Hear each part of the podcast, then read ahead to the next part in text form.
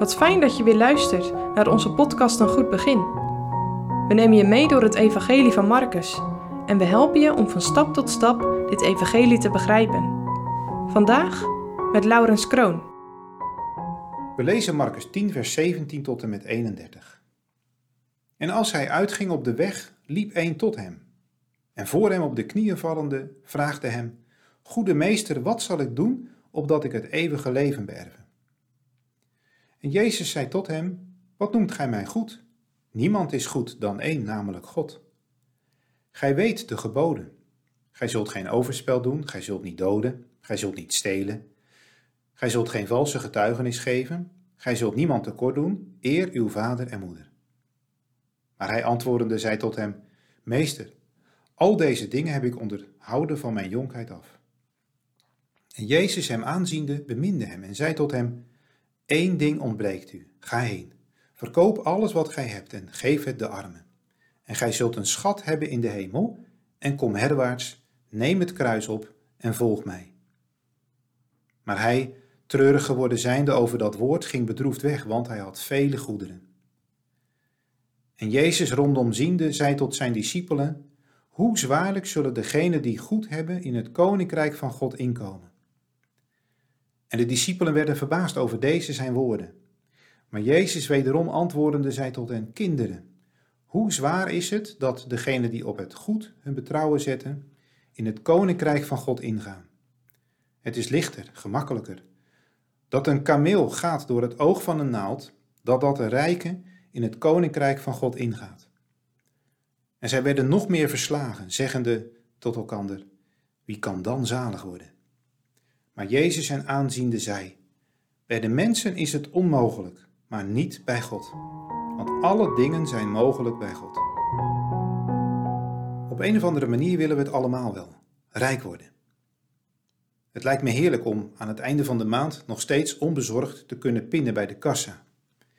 En jij droomt misschien ook wel van een ruim huis, een grote tuin, exotische vakanties, een mooie auto een kast vol leuke kleren en modieuze schoenen. Maar de prijs is hoog. Daarom staat de geschiedenis van de rijke jongeling in de Bijbel. Een voorbeeldige jongere, die en rijk is en kerkelijk meeleeft. Ideaal zou je denken. Maar pas op, zegt Jezus als zijn discipelen de rijke jongeling verdrietig zien afdruipen. Het is gemakkelijker voor een kameel om door het oog van een naald te gaan dan voor een rijke om het koninkrijk van God binnen te gaan. De kameel staat hier voor het grootste dier van het Midden-Oosten.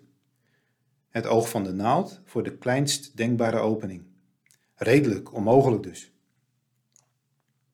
Het punt is niet dat deze jonge man rijk is, maar dat hij het niet ziet zitten om dat allemaal achter te laten en Jezus te volgen.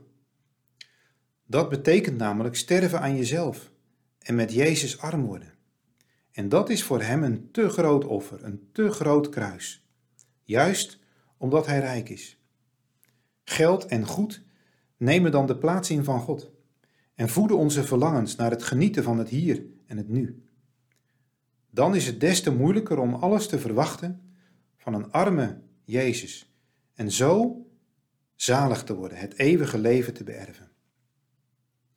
Maar als een rijke zo ver van het koninkrijk is, als de kameel van het binnengaan door het oog van een naald, dan kunnen ook minder rijke mensen niet zalig worden.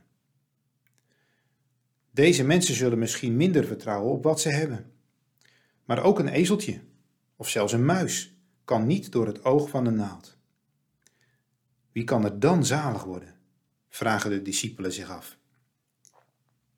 Misschien is dat ook jouw vraag. Ik hoop het. En ik hoop dat je ermee vastloopt, net als de discipelen. Want het antwoord van Jezus is bevrijdend. Bij de mensen is het onmogelijk, maar niet bij God. Want alle dingen zijn mogelijk bij God. En zie dit nu niet als een dooddoener, want uit Jezus' mond komen geen dooddoeners. Hij spreekt met macht. De discipelen die geschokt deze rijke jongen nastaren, mogen nu omhoog zien naar God, bij wie alle dingen mogelijk zijn, die rijken en armen de genade geeft om alles in dit leven los te kunnen laten een kruis op te nemen en de Heer Jezus te volgen. Waar moet jij van losgemaakt worden? Misschien wel van je verlangen naar rijkdom.